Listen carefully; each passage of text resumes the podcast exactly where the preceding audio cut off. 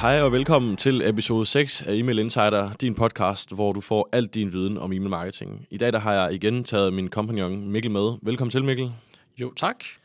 Mikkel, i dag der skal vi jo snakke øh, på den her episode lidt om, hvordan du bruger e-mail marketing, marketing til at styrke din branding. Og øh, grunden til, at vi skal snakke om det her, det er jo fordi, at e-mail marketing, synes jeg i hvert fald, og, bliver lidt overset i forhold til branding-effekterne. Det er jo en kommunikationskanal, som går direkte ned i indbakken på vores, øh, på vores kære kunder eller potentielle kunder. Og øh, modsat sådan noget som for eksempel annoncer, jamen så har vi lidt mere tid her til at påvirke dem, fordi de læser en e-mail og ikke scroller forbi en annonce. Men det er altså også deres private indbakke, så sige, det er altså, hvor vi går ind og forstyrrer dem, eller går ind og lige afbryder dem i deres hverdag. Så det er altså vigtigt, at vi kommer med noget brandskabende til dem, eller værdiskabende sådan set, som så giver os branding-effekten bagefter. Øhm, hvad, hvad, hvad, hvad tænker du om, om, om hele den her branding-del i e-mail marketing?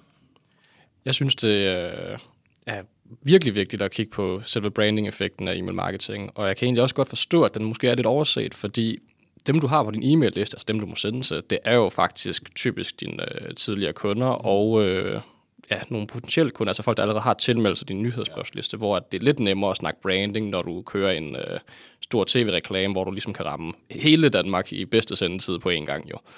Øhm, så der var den store forskel på meget branding-aktiviteter, som ligesom rammer bredt ud, og så det her e-mail-branding, hvor det ligesom er til din, spids, altså din præcise målgruppe, dem, der har tilmeldt sig din nyhedsbrev.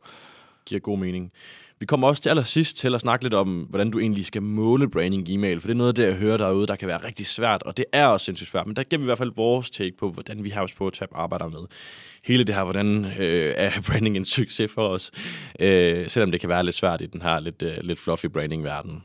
Ikke desto mindre, så er det jo stadigvæk vigtigt, at vi kigger på det og bruger de pejlemærker, vi nu engang kan kigge efter. Ja, bestemt.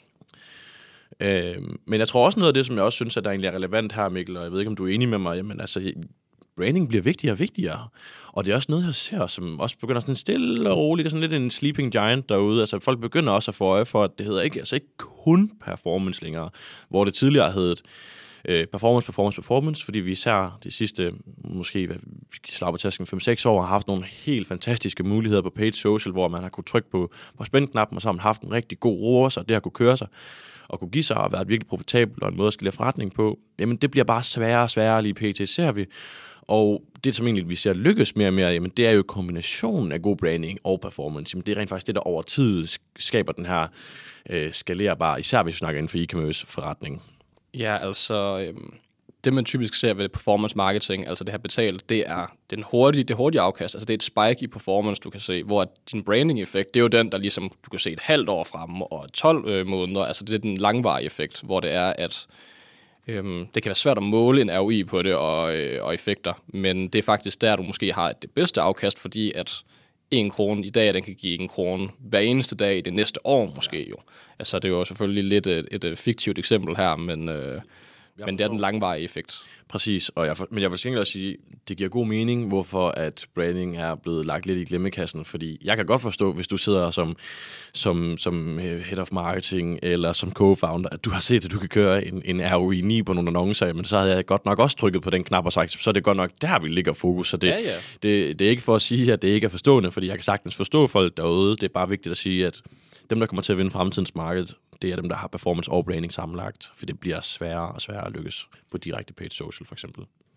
Altså det, øh, man typisk ser, det er jo, at de mindre virksomheder, det er dem, der har meget fokus på performance, mm. og så hvis man når bliver vis størrelse, så er det, man begynder måske at køre mere branding, og det har måske noget at gøre med det her med at skalere budgetter online på performance marketing øh, kan være en udfordring en gang imellem. Men øh, jeg synes, vi har set en udvikling, at faktisk flere og flere af de her små virksomheder, som tidligere kun har kørt performance marketing, øh, også begynder at køre branding annoncer på både på, altså i forhold til e-mail, men også øh, på andre kanaler som Facebook for eksempel, så kører sådan ren, altså top funnel branding kampagner.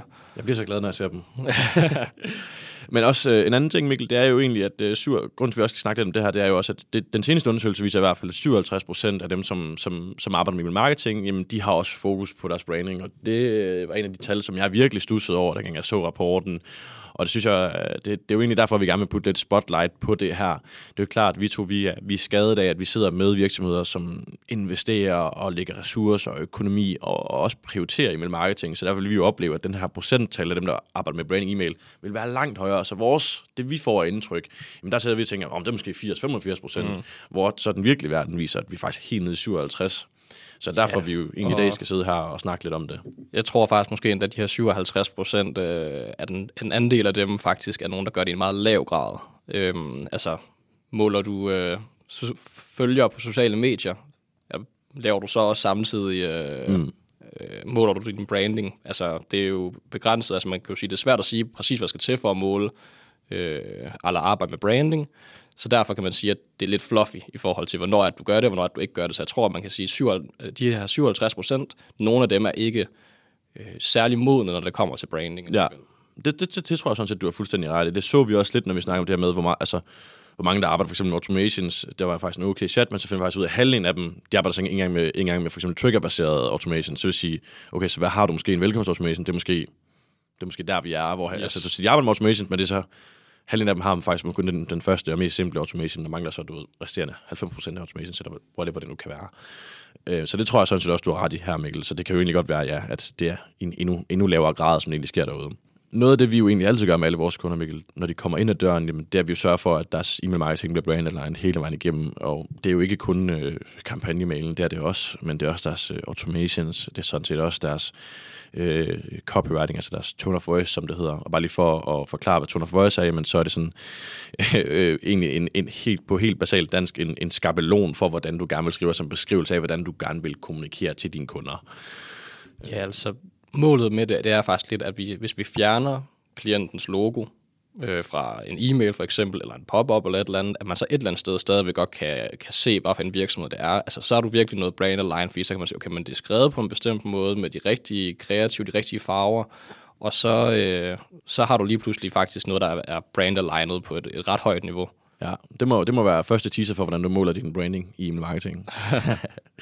øh, men ja, det, det, er jo, det er som sagt altid det første, vi gør, Mikkel. Øh, og det gør vi jo af en årsag. Øh, og bare lige for hurtigt at knytte den sidste kommentar til det, jamen du kan også gøre, det er også vigtigt, at du er brand aligned i din lead-generering også, for det er første sted, du for eksempel møder dem. Men, men grunden til, at vi altid gør det her, det er jo egentlig fordi, at det giver bare en helt unik mulighed for at kommunikere de absolut vigtigste USP'er øh, til dine potentielle kunder og dine nuværende kunder. Øh, så på en kanal, hvor de er meget mere modtagelige over for budskaber, hvor de selv har bedt om, jeg vil gerne modtage ting fra jer. Modsat for eksempel paid social, hvor de er i et lidt andet mindset, når de sidder og modtager en annonce. Det er meget mere hurtigt. De har ikke sådan et mindset på, nu, skal jeg lige, nu har jeg lige valgt at åbne den her mail for eksempel, eller jeg har valgt at øh, tilmelde mig nyhedsbrevet og åbne den bagefter, sorry. Det, de, de er meget dedikerede omkring, de vil gerne modtage noget, de har selv accepteret det, de har selv valgt det, så det er virkelig et sted, hvor du virkelig kan kommunikere dine budskaber ud, og det er bare sjældent, jeg hører folk snakke om, hvor vanvittigt det egentlig er, at vi har muligheden for til folk, der enten har købt ved at skrive sig på et nyhedsbrev, eller har sagt, jeg vil gerne modtage mails, og han der bagefter valgt at åbne en mail, øh, hvor, hvor, hvor magtfuldt sted det er at køre sin branding ud. Øh, det er virkelig undervurderet, hvor meget branding du egentlig kan, du egentlig kan lave med din e-mail marketing, men også samtidig også modsat, hvor meget du kan skade det.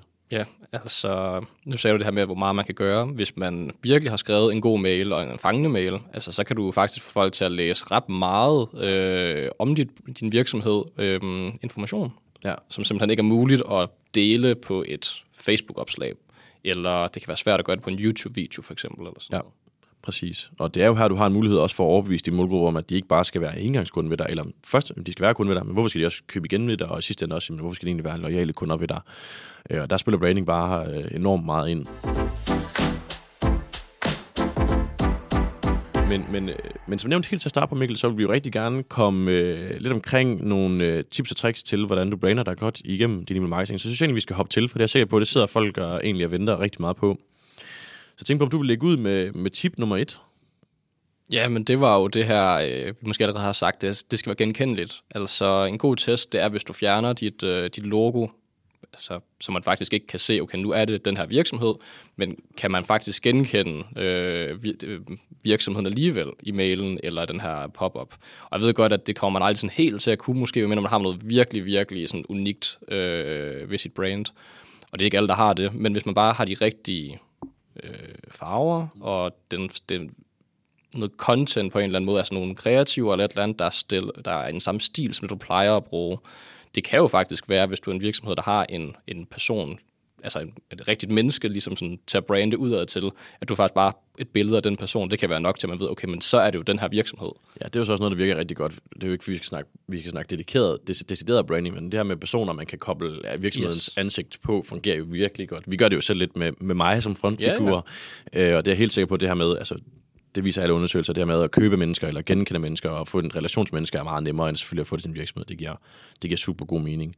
Men du siger det her, Mikkel, med, at det skal være genkendeligt, og det du gør andre steder, og det synes jeg er interessant, fordi det er også vigtigt, når du gør det her, at det du sådan bestemmer dig for at gøre på din email marketing, jamen det skal også alignes med resten af virksomheden. Øhm, har du en brandbook, jamen godt, go for it, så er det, så er det selvfølgelig den, du skal læne dig op af, men så skal du også huske at gøre det på din, øh, din content på Facebook-annoncering, din copywriting på din Facebook-annoncering, alle de ting her, som du laver andre tiltag, din post på Instagram, eller hvad end du nu laver, jamen det skal altså ligge op af det, du gør på din email marketing.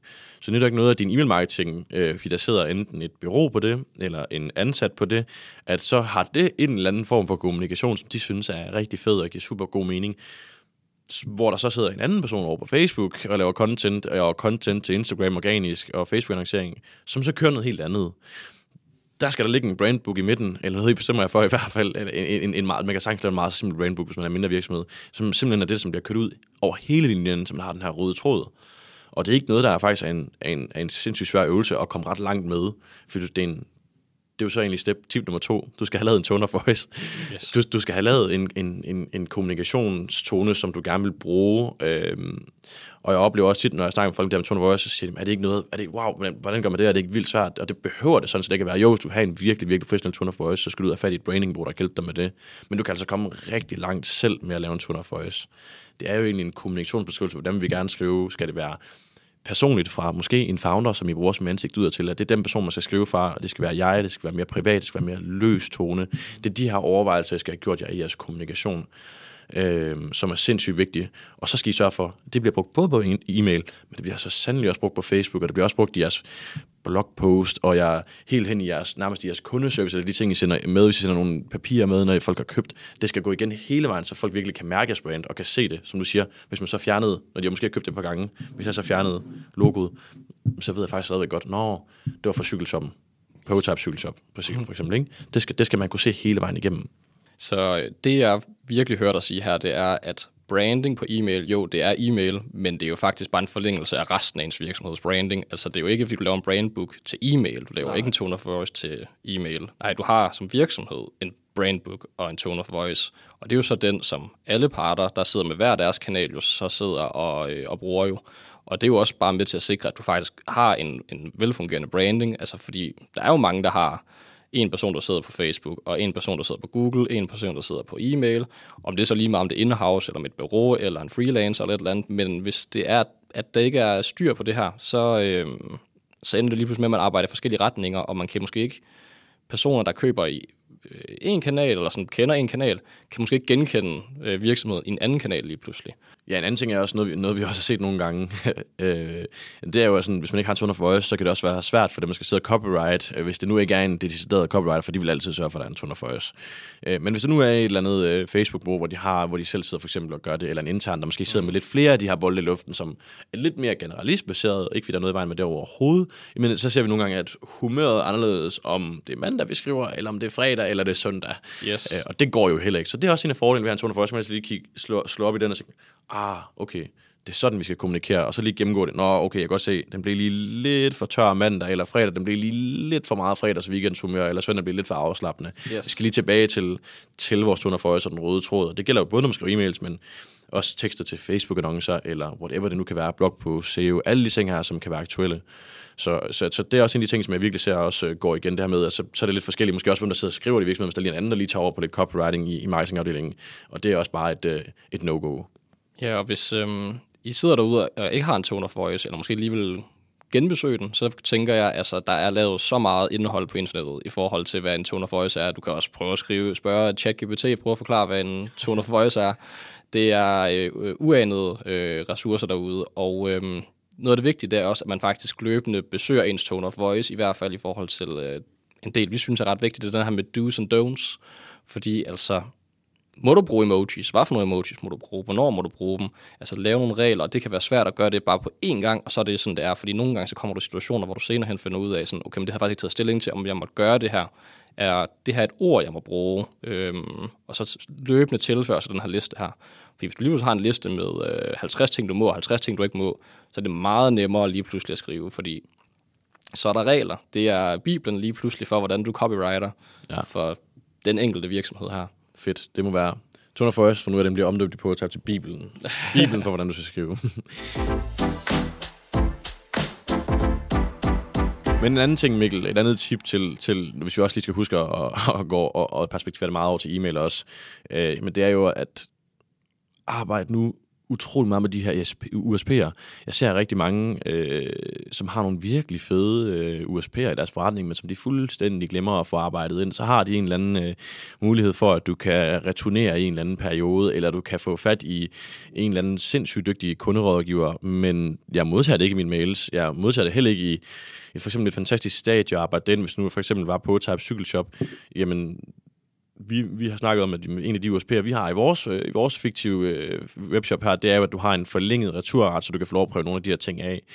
Jamen for eksempel i et abandoned card, i abandoned checkout, altså alle de ting her, hvor du ligger så tæt på et køb, hvor der ligger nogle købsbarriere, der gør, at du ikke køber, jamen sådan noget som, det behøver måske ikke at være 10% rabat, du arbejder ind, men så arbejder dine USP'er ind der i stedet for. Yes, ja, så fordi det kan være, at må, øh, den modstand, de møder i det her køb, det er jo måske nærmere det her med, at de ikke er sikre på, om de egentlig skal have den her ting eller en anden ting. Hvor hvis du fjerner den barriere ved at sige, at du kan prøve den, og så øh, pengene tilbage, hvis det ikke er det, du har brug for. Det hjælper måske mere, end hvis man siger, okay, men her kan du lige spare 10%, fordi det er jo ligegyldigt, om jeg så har købt det til 90% af prisen, hvis det er den forkerte ting. Præcis, og, og hvor mange ligger noget i kurven, som de ved, de overhovedet ikke har penge til. Og det er jo så det 10% egentlig prøver at skubbe dem til. Altså ja. det, det er selvfølgelig det der med, okay, men så laver jeg en god handel, det er fedt, så gør jeg det. Men den er også, den er også brugt Altså, den, den, der, de har mødt den før folk, hvor hvis du så i stedet for møder dem prøv at høre, jamen altså, du har altså ikke bare øh, 14 dage eller 30 dage tur, du her, men du har altså 90 dages fuld returret. Jeg ved, nogen, der gør det rigtig godt, det er bedre netop. Du kan faktisk returnere din seng. Jeg synes, det er en mega fed service. Og øh, nu er jeg personligt faktisk ude at købe en, en, øh, en ny hovedpude netop i går, og der var jeg faktisk meget tæt på at hoppe på bedre net i stedet for, fordi at, øh, da jeg stod i butikken, og fortalte at jeg kunne ikke komme tilbage med den, hvis den ikke passer. Så det var så 800 øh, kroner øh, ud, ud, ud, ud til det, hvis det ikke fungerer. Hvor bedre net, der kan jeg bare returnere den. Jeg tror, de har jeg ved ikke, på, jeg ved ikke, på sengen i hvert fald rigtig lang tid. Jeg, nu kan jeg ikke huske tiden, men de har en virkelig lang retur. Det synes jeg er en mega fed USP. Og det er faktisk det, der gør, at jeg vil overveje at købe dem i stedet for. Men det har ikke noget med prisen at gøre, eller meget jeg kunne spare. Men det er deres USP, som de bare er virkelig dygtige til at kommunikere ud.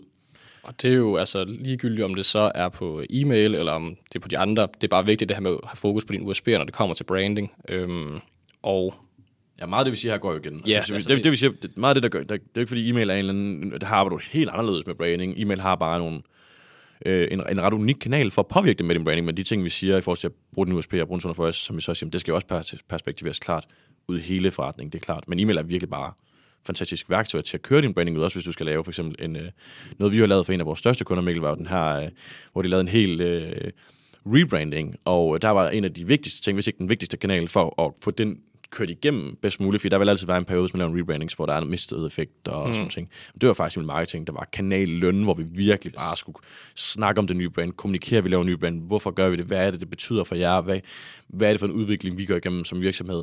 Den er godt nok svær at lave på Facebook, hvis du lige vil køre annoncer ud til dem. Så skal du godt nok sørge for, at du får ramt dem alle og mødt dem, og de skal også læse osv. Der er det noget nemmere at kommunikere ind til dine potentielle kunder og nuværende kunder. Så hvis du står for en rebranding, jamen wow, e-mail er fantastisk. Men det er jo ikke, fordi de her ting ikke gør sig gældende i resten af forretningen. Nej, altså jeg tror, den store forskel på e-mail branding og andre kanaler branding, det er, at det er de samme spilleregler, du bruger, det er de samme ting, du skal være opmærksom på, men at e-mail det er sådan lidt mere på steroider, fordi at du kan virkelig, altså det, det er store øh, interaktioner, du kan lave, fordi at det er mere tekst, du kan få dem til at læse, det er mere kreativt, og det kan være at, altså det, det kan være mails flere gange om ugen, altså der er meget større mulighed her for at påvirke, end der er på en øh, Facebook-annonce eller en øh, YouTube-advertising. Øh, ja, og et, så, det er jo direkte til din til dine kunder, ikke? potentielle kunder. Og så ud over det, så har du måske 30 sekunder, hvis du er rigtig god, et minut i din mail, hvor de mm. virkelig er, altså de har virkelig valgt aktivt selv, den her mail, den, den, vil jeg gerne, den vil jeg gerne læse lidt mere af.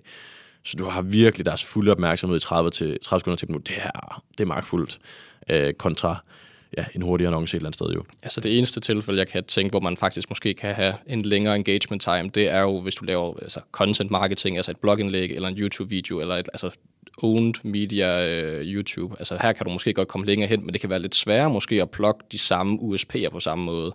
Fordi så virker det lidt hurtigere som noget salg, og ikke lige så meget som, at du provider en, en value. En og du ved heller ikke, om du fanger x antal procent af dine kunder eller potentielle kunder, hvor på e-mail, hvis du har gjort dit arbejde godt nok med lead så kan du godt nok komme ud til en stor procent af, din, af dine øh, kunde, kunder. Yes. Tip nummer 4, Mikkel, vi kunne snakke længe om det her, men vi skal videre. Tip nummer 4, det er, at du skal segmentere til din modtagers interesse. Og vi har været lidt omkring det her med segmentering øh, i nogle andre episoder også, men det er bare igen sindssygt vigtigt. Altså, det kan godt være, at vi ikke snakker USP her, vi ikke snakker tone for voice, og vi ikke snakker det grafiske, men det her med rent faktisk at vise dem, at øh, du, du, du, vægter deres, øh, du vægter deres tid højt, du prioriterer dem, og du vil gerne give dem noget, som, som, som de synes er spændende. Allerede bare det her med, at hvis du i en ligegenerering spørger dem øh, fra cykelshoppen, jamen er du netop til øh, racercykler, mountainbikes, citybikes, eller, eller, eller hvad er det, børnecykler, jamen eller der, der viser du dem noget, som det, det, det, det sidder fast ved hos dem, det her med, okay, de, de, de vil rent faktisk gerne give mig noget, der er konkret til mig, specifikt, mm. og så efterfølgende effekterne af, jeg modtager mails om netop det, jeg synes er fedt, racercyklen, eller det, som du, Mikkel, synes er fedt, mountainbiken, så er det ja. det, jeg får, så at sige, okay, det er faktisk, hver eneste gang, jeg er min indbakke, så ved jeg, det, det, det, det er sgu fedt at læse om, det er værdiskabende, og det er i hvert fald, selv hvis jeg ikke har tid, så er der i hvert fald ikke noget, der er ligegyldigt, så er det ikke mails, jeg tænker, bum, dem sletter vi. Og, og det, som man egentlig måske kan, man kan gå lidt tilbage til, det er det, som, øh, som vores gæst, gæst Kende sagde, det var, at uh, today's email should earn tomorrow's open. Altså sørg nu for, at det, du sender dem, det rent faktisk er værdiskabende, for det gør også bare, at de læser i morgen, og de læser i overmorgen, og de, altså, det, det, det er bare sindssygt vigtigt. Så, uh, så segmenter dit indhold til modtagernes interesser og skab værdi. Det er tip nummer 4. Yes.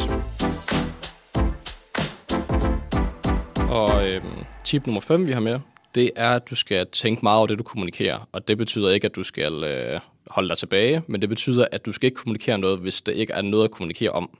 Og øhm, man vil jo gerne sende en masse mails, og de fleste virksomheder har også rigtig meget, de godt kan, kan kommunikere om. Og øh, ellers er det også bare at blive kreativ. Altså, øh, du kan jo altid sende noget ud, hvor du har fokus på en kundehistorie, eller din USP, eller et eller andet, der giver noget værdi her. Og øhm, ellers så de tips og tricks, altså hvis du for eksempel som cykelshop, så er det jo en kanon mulighed for at prøve at gå ud og øh, skabe sådan en ekspertstatus, ved at du deler en masse tips og tricks. Det er jo altså noget, der ikke er muligt på de andre kanaler i samme omfang. Så det du siger, der er masser af content at tage fat i, men hvis du, ikke, hvis du sidder mandag morgen, og du lige sidder, nu skal jeg lige have en mail ud hurtigt, men du har intet, du er helt tom for idéer, så skal jeg faktisk ikke sende noget ud. Så skal jeg ikke sende, øh, her goddag, her sidste uges opdatering, som du ikke kan bruge til noget, kære kunden, i min forretning. Jeg vil øh, nok lade være med den, fordi det er spild af din modtagers tid. Det er vigtigt, at der er noget i det for modtageren. Du skal lige tænke, du sender ikke noget, fordi at du skal sende. Du sender noget, fordi modtageren skal modtage noget. Så det er næsten det, der måske faktisk skal være tippet. Ja, det kan man godt sige. Ja, Jamen, jeg er helt enig. Mikkel, jeg synes sådan set uh, egentlig vores, uh, vores, uh, vores fem tips til, hvordan du kan arbejde med uh, branding igennem email marketing og løs med det. Så hvis vi skal til, til det, som vi lovede helt til at starte på, hvordan kan jeg så måle effekten? Hvis vi nu sidder i cykelshoppen på, hvordan, hvordan vil vi så måle på, på, på effekten af, om vores branding lykkes i email marketing? Altså noget, der jo egentlig er meget fluffy. Jo, øhm, der er tre forholdsvis simple metoder, hvor du kan måle det sådan ret meget øh, bare i direkte e-mail. Den første, det er øh, størrelsen af din liste, og det er simpelthen bare for at kunne nå eller have et, et, idé om sådan potentialet for, hvor langt kan du nå ud. Og øh, det er ikke helt lige så vigtigt, for de to andre ting, det er mere med det reach, man har. Altså, hvor mange mennesker kan du få til at åbne en mail i løbet af en periode, det vil sige hver eneste måned måske, øh, eller hver 30. dage, og så siger okay, men vi nåede ud til 100 mennesker den her måned, så 200, så er det 300, og så er det 1000 for eksempel, og så se, okay, vi, vi får et større og større øh, audience på den måde. Så det, er simpelthen for, så det er simpelthen for at sige, hvis jeg rammer 1000 med, med mine mails, med god branding, god tone voice, men så har det en vis effekt, hvis jeg rammer 2000, har det selvfølgelig også en vis effekt, så det er sådan, måde at måle volumen på med vores yes. marketing, vi kan, vi kan ramme folk med de her budskaber. Ja, og så øh, den sidste, det er så engagement, altså hvor godt rammer vi folk. Og det her, hvor vi kigger på klikrate, og øh, hvor mange mennesker er det, vi kan få til at klikke. Og det er sådan den samme øh, udregning, som vi egentlig gør med det her åbne, og der bruger vi egentlig bare sådan segmenter, altså dynamiske segmenter, hvor vi sætter op med, at vi siger, at okay, men personer, der har åbnet de sidste 30 dage, og så lavet et segment med personer, der har klikket de sidste 30 dage for eksempel. Og øh, hvis du vil gå mere øh, dybt i det her med branding, og øh, så er der to ting, vi øh, særlig godt kan lide. Så det hvis vi snakker uden for marketing, så mere sådan overordnet branding? Ja, øhm, og den ene, det er øh, repeat customer rate, altså i hvilken grad kan du få folk til at vende tilbage til din butik. Og det er en simpel udregning ved, at man siger, okay, hvor mange kunder havde vi i en given periode, og hvor mange af dem var tilbagevendende kunder. Ja, så den her, den her metric, der hedder frekvens af tilbagevendende kunder. Øh, for eksempel, hvis man har Shopify, så vil den jo faktisk ligge i ens, ens analytics forside, hedder det ja. der, jeg tror faktisk. Men der skal man udregne som du siger der. Og øh, en mulighed vil også være, at du faktisk kan skældne op på, øh, og det, det er så ikke i, i Shopify, det vil så for eksempel være i din ESP som Klaviyo, men der kunne gå ind og så sige, okay, hvad er den for de folk, der har øh, modtaget en e-mail, og hvad er den for de folk, der ikke har modtaget en e-mail i perioden. Og så simpelthen kigge på, hvor meget øget øh, er deres loyalitet eller repeat customer rate ved, at øh, de har modtaget e-mail. Spændende. Det er, jo, det, er jo, det er jo meget håndgribeligt. Så er, faktisk, okay, så er det faktisk en måde for mig at sige, okay, jamen altså, når vi her i øh, Poshop Cykelshop, vi, vi sender mails ud, men hvor, hvor, hvor gode er vi egentlig til at få folk til at købe mere, hvis de er på vores nyhedsbrev, eller ikke er, eller e-mail-liste? Ja. Okay. Det og øh, den sidste, det er altså samlet branding. Øhm, og det er ikke rent en e-mail, men jeg synes egentlig, at alle virksomheder et eller andet omfang skal måle det her. Og det er noget, der hedder Share of Search, hvor man egentlig måler på, hvor meget bliver vores brandnavn søgt på, på for eksempel Google. Nu er det den mest udbredte søgemaskine, så med 95% af markedet eller et eller andet. Øhm, så det er bare, hvor meget bliver på Type Cykelshop søgt på kontra øh, vores konkurrenter. Og øhm, det, der er smart ved den, det er, at man direkte kan se, okay, det her, det er øh, de søgninger, der kommer på vores brand. Du kan også øh, gå ind og kigge på sådan direkte trafik i øh, Google Analytics, fordi direkte trafik, det er jo sådan lidt typisk måske et bogmærke eller en autoudfyld eller et eller andet der. Og, øhm og det viser jo også det her med, at folk kommer tilbage igen, og der er noget branding i det så, så i forhold til email marketing, så øh, 5-10% af det, du skal kigge på, det er sådan, øh, det her awareness, altså hvor mange får du egentlig til at kigge dine mails, og så primært noget af det, vi også bruger det til, fordi den kan godt være, der er jo lidt i forhold til, hvor mange gør egentlig det, og efter US, men, men især til mål udviklingen af den, er jo egentlig det, vi bruger den rigtig meget til her. Så det er sådan nummer et, sådan, sådan, det er en meget sådan et, et lille pejlemærke. Den store, vi egentlig kigger på, det er jo så engagement, altså hvor mange kan vi få til at påvirke med de her budskaber, vi kommer med, og hvordan rammer vi dem. Så det, så det, er, sådan, det er typisk klikretten, vi bruger.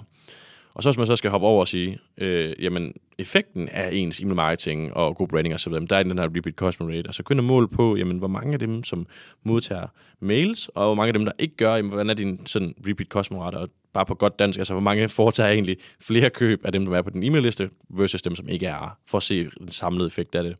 Og så kommer du med et faktisk et, et fjerde bonustip her til generelt at måle din branding. Share search, altså mange søgninger har du på dit, uh, på dit brand. Det er faktisk en, vi bruger rigtig meget. Jeg bruger rigtig meget i, i, i Potype-regi. Mm. Fedt. Det er jo øh, et, par, et par ret konkrete tips, især nummer et og to, dem bruger vi jo rigtig meget sådan, til måle sådan, de første branding-effekter sådan, sådan, sådan på overfladen i forhold til marketing. Så det er jo mega fedt, Mikkel, og jeg håber, det er noget, som, som, som folk ligesom hjemme kan, kan, kan, kan bruge og rent faktisk kan, kan tage frem foran sig med, i forhold til at rent faktisk måle på effekterne af det her. Men ja, det var egentlig alt for den her episode, Mikkel. Det var alle tipsene og hvordan du måler effekten af din e-mail marketing, rent branding-wise. Jeg vil sige til dig derude, øh, som sidder og lytter med, jeg håber, du har fået en masse værdi ud af episoden, og du har fået lidt mere øjnene op for, hvordan e-mail marketing kan hjælpe din branding i din virksomhed. Hvis du kunne tænke dig at øh, høre lidt mere om e-mail marketing så tips og tricks, så synes jeg, du skal linke med mig el, eller og Mikkel på LinkedIn. Øh, du skal bare søge på Mikkel Lund Pallesen på LinkedIn eller Oliver Seifert. Jeg har selvfølgelig også været så sød at lægge øh, links til vores profiler her i beskrivelsen, så der kan du gå ind og finde dem også. Tak for at lytte med.